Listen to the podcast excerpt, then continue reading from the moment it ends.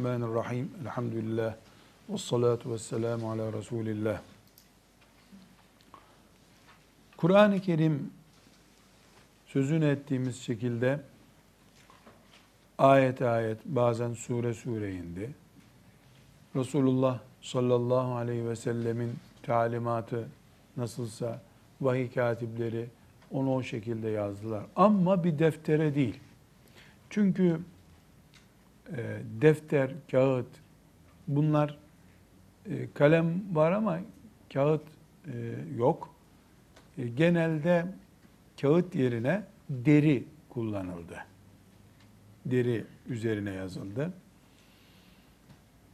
Eski tahta parçaları, kiremitler, hayvanların büyük kalın kemikleri, o kemiklere yazıldı. Rulo şeklinde herhalde. Yani Kur'an-ı Kerim'in ilk yazıldığı malzemeler kağıt değildi. Yoğunluk olarak deri oluyordu. Ee, ilk yazılan ayetler Resulullah sallallahu aleyhi ve sellem Efendimizin evinde saklanıyordu. Resulullah sallallahu aleyhi ve sellem Efendimiz Rafik-i A'la'ya yükselince Ayşe annemizin odasında emanet olarak bunlar kaldı. Şimdi tabi bu kadar olan Kur'an-ı Kerim'imiz, Musaf'ımızın e, derilere yazıldığını, kemiklere yazıldığını, kiremitlere yazıldığını, tahtaya yazıldığını düşünürseniz herhalde bir çantaya sığacak bir şey değildi. Çok büyük hacimliydi. E, ama kağıt değil, işte hayvan derisine yazılıyor. Bir deriyi artık ne kadar yazabiliyorlarsa bu konuda ufak tefek rivayetler var ama çok böyle ayrıntılı değil. Ebu Bekir radıyallahu an zamanına kadar Kur'an-ı Kerim bu şekilde kaldı. Ama e, şunu bilmemiz gerekiyor. E, Kur'an-ı Kerim'in Resulullah sallallahu aleyhi ve sellem Efendimiz'den onun işte biraz önce bahsettiğimiz kalbinin güçlü bir şekilde Kur'an'ı alması için Cebrail aleyhisselamla her Ramazan'da yaptıkları bir tür ders, müzakerenin dışında Kur'an-ı Kerim'in bize kadar gelen tarihinde ilk koruma ordusu ashab-ı kiramdır. Allah onlardan razı olsun. Kur'an-ı Kerim'de de buna işaret eden ayet vardır. Ankebut suresinin 49. ayetinde Allah Teala bel huve ayatun beyinatun fi sudurillezine utul ilm buyuruyor. Bel huve ayatun beyinatun fi sudurillezine utul ilm. Bu Kur'an kendilerine ilim verilenlerin göğsündeki bir mucizeler topluluğudur. Yani bu ayetler kendilerine ilim verilenlerin göğsüne konmuştur. Göğüs tabi hafıza, ezberleme e, diye yorumlanabilecek bir ifadedir. E, bizzat bu ayetten de anlıyoruz ki Kur'an-ı Kerim'in ilk korunma, koruma altına alınma, hani inna nahnu nezzelne zikra ve inna lehu lehafizun var ya, Kur'an'ı biz indirdik, biz koruyacağız. Sonra biz ne demiştik? İnsana inen bu kitabı Allah insan şartlarında koruyacak ki mucizeliği belli olsun. Yoksa levh-i mahfuzda Kur'an zaten saklı elhamdülillah. Levh-i mahfuzdaki kitabı e, zaten kimsenin, şeytanın müdahale edip bozacağı e, bir şey, tehlike söz konusu değil. Şimdi bu ayetten de anlıyoruz ki Allahu Teala ashab-ı kiramı bel huve ayatun beyinatun fi sudurillezine utul ilm göğüslerinde ilim bulunan bulunanların o bulundurduğu şey Allah'ın ayetleri. Yani Kur'an'ın ayetleri Kur'an'ın mucizeliğini gösteriyor.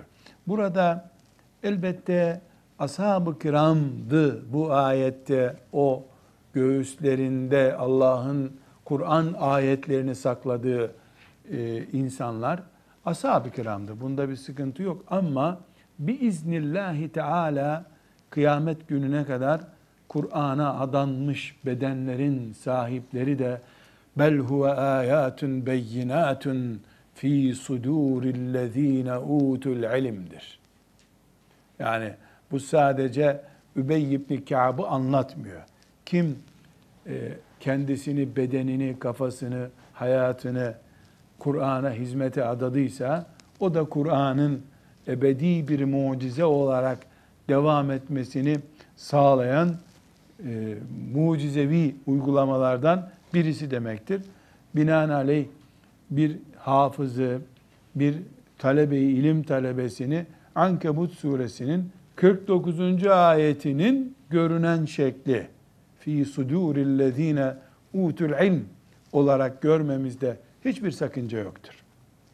Allah ashab-ı kiramdan razı olsun. Ne büyük, ne ağır bir mucizenin uygulama noktası olarak seçmiş onları Allah Teala. Ne güzel bir şey. Yani Kur'an'ı Allah kıyamete kadar saklamak istiyor.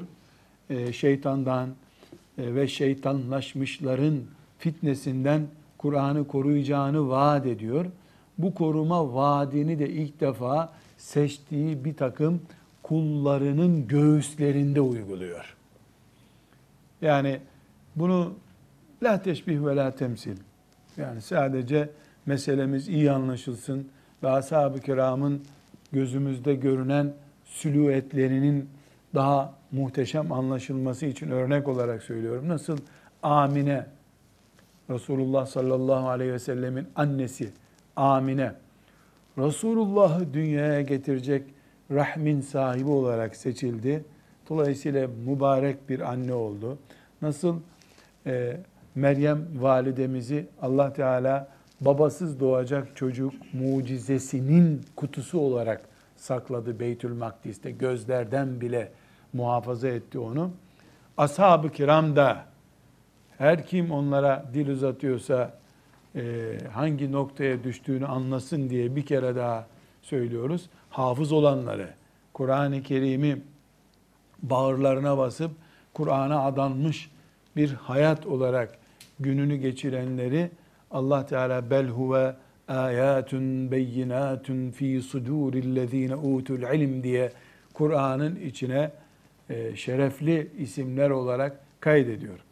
E, bu onların büyüklüğünü gösteriyor. Bir de defalarca vurguladık. Kur'an mucizesi göklerde tecelli etmeyecektir. Göklerde tecelli edecek bir mucize yok. Göklerde Kur'an'a itiraz eden yok ki Kur'an onlara mucizeliğini göstersin. Şeytanın fitne fesat çıkardığı yeryüzünde Kur'an mucizeliğini gösterecektir. Kur'an'ın mucizesi göklerde değil, yeryüzünde yaşayan insanların üzerinde görülecektir.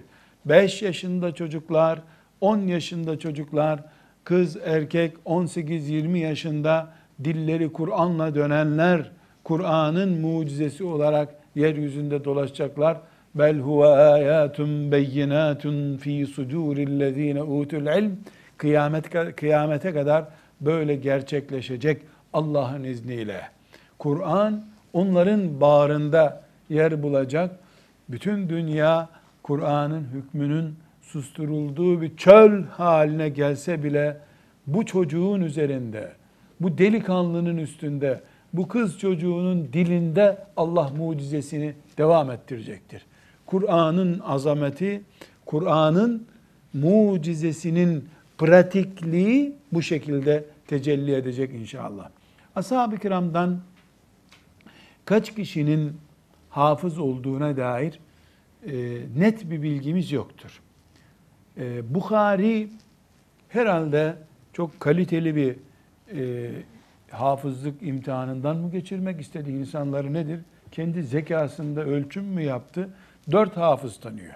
Dört tane hafız var diyor. Fakat ashab-ı kiramın içinde e, hafız olarak çok fazla sahabi biliyoruz. E, ihtimal yani çok böyle net bir rakama ulaşamadım ama işte ihtimaller etrafında herhalde bir 300-400 hafız olması mümkün ashab-ı kiramın arasında. Bilhassa e, Resulullah sallallahu aleyhi ve sellem'den sonra yani uzun yaşayan yani Efendimiz vefat ettiğinde Rafik-ı A'la'ya yükseldiğinde 9-10 yaşlarında olanlar ki sahabeydiler. Efendimiz'i çocuk olarak da gören herkes sahabidir. Ee, Müslüman çocuk olarak gördüğünde. Ee, 10 yaşlarında olan sahabileri daha sonra hep e, Kur'an bülbülü olarak ashab-ı kiram yetiştirdi. Çünkü ashab-ı kiramın büyükleri kendileri Kur'an ezberleyemediler. Çoğu ezberleyemediler. Neden? Bir ellerinde kılıç, öbür ellerinde peygamberin aleyhisselamın şu emrini yerine getirmek için uğraşıyor. Nefes almaya vakitleri olmadı. Cihat meydanlarında dolaştılar. Onlarca savaşa katıldılar. Ee, şuraya göreve gittiler. Mesela şimdi şöyle düşünün. Yemen'e Muaz'ı Efendimiz gönderiyor. Radıyallahu anh. Yemen e, git şu öbür sokaktan markete git denir bir yer değil. 500 kilometre yol gidiyor. Bunu e, herhalde uçakla gitmiyor, trenle gitmiyor. Kimi belki yürüyerek gidiyor. Bir ayda gidiyor, bir ayda geliyor. Orada da 10 günde bir iş yapıyorsa o arada da yüzlerce ayet iniyor. Yani ashab-ı kiram Kur'an okumaya bile vakit bulamadılar. Kur'an ezberlemeye bile vakit bulamadılar. Allah'ın dinini yüceltmekten. Ya işte fark burada işte. Tatile gittiklerinden değil, cihattan, Peygamber aleyhisselama hizmetten, dini yaymak, tebliğ etmekten ayet ezberlemeye vakit bulamadılar. Bir kısmı da zaten erken yaşlarda e, şehit oldular. Efendimiz sallallahu aleyhi ve selleme Kur'an inmesi bitmeden şehit olup veyahut da normal vefat edip gittiler. Her halükarda ashab-ı kiramın içinde ne kadar hafız olduğunu bilmiyoruz. Ciddi bir rakam yok elimizde. Ya da böyle bir istatistik yapmak zaten mümkün değil. Ama hafız oldukları bilinen sahabiler var. Bunlar nereden biliniyor? Efendimiz sallallahu aleyhi ve sellem onlara hafız muamelesi yapıyor. Bir. İkincisi kendisi söylüyor. Yani bunu ben şu şekilde biliyorum diyor. E, Ali bin Ebi Talip mesela e, Kur'an-ı Kerim'in sadece ezberini değil, hangi ayet, nerede, ne zaman, niye indi onu da biliyorum diyor. E, bu tip özel bilgi veren sahabiler var. İşte diğer sahabilerden e, bu Kur'an'ı çok iyi bilir, buna sorun diye bilgi var. Mesela Zeyd bin Sabit radıyallahu anh ile ilgili çok enteresan daha sonra Kur'an ilimleri ve kıraatleri üzerinde konuşurken örnek vereceğiz.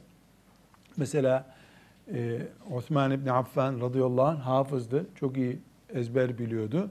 Kıraatleriyle biliyordu. Yani dil, lehçe farklılıklarıyla Kur'an'ı biliyordu. Onun talebelerinden biri diyor ki epey Osman'dan ders aldım diyor. Sonra bir gün bana dedi ki bak Müslümanların işini yapıyorum sen beni meşgul ediyorsun. Zeyd'e git. Zeyd bu işten iyi anlar dedi diyor. Yani talim dersi, tecvid dersi için Zeyd'e göndermiş ona. Zeyd bin Sabit radıyallahu anh. Tabi Zeyd 80 yaşında bir hacı amca değil. 25 yaşlarında delikanlı. Osman günlerinde gerçi 35 yaşlarındaydı. Sonra Ali bin Ebi Talib'e gittim diyor. Ondan da bir ders okuyayım düşündüm diyor. O da birkaç gün sonra dedi ki Zeyd'den hallet bu işi sen beni meşgul ediyorsun dedi diyor. Talebe okutmaya vakitleri yok. Allah yolunda cihad etmekten. Muaz bin Cebel'in hafız olduğuna dair bilgimiz var. Übey ibn Kâb'ın hafız olduğuna dair bilgimiz var. Salim isimli sahabenin, e, Huzeyfe'nin Mevlasının e, hafız olduğuna dair bilgimiz var. Abdullah ibn Mesud'un hafız olduğuna dair bilgimiz var. Ebu Derda radıyallahu anh'ın hafız olduğuna dair sahih hadisler var bu konuyla ilgili. Zeyd bin Sabit hakkında hadis-i şerifler var, bilgimiz var. Ebu Musa el-Eş'ari'nin Kur'an okumasına Efendimiz sallallahu aleyhi ve sellem de hayranmış zaten. Onunla ilgili bilgi var. Aişe anamızın ve Hafsa anamızın kuvvetli hafız olduklarına dair bilgiler var. Ama hafızlar sadece bunlar değildi. Yani pek çok hafız vardı. Mesela yedi musaf yazıldı Osman zamanında. Daha sonra onu konuşacağız. Her musafın başına bir hafız görevli olarak tayin edildi. E, pek çok sahabi hafızdı ama tamamı hafız değildi. Kur'an'ın muhafızlığında tamdılar ama. Allah onlardan razı olsun. Ve sallallahu ve sellem ala seyyidina Muhammed ve ala alihi ve sahbihi ecma'in velhamdülillahi rabbil alemin.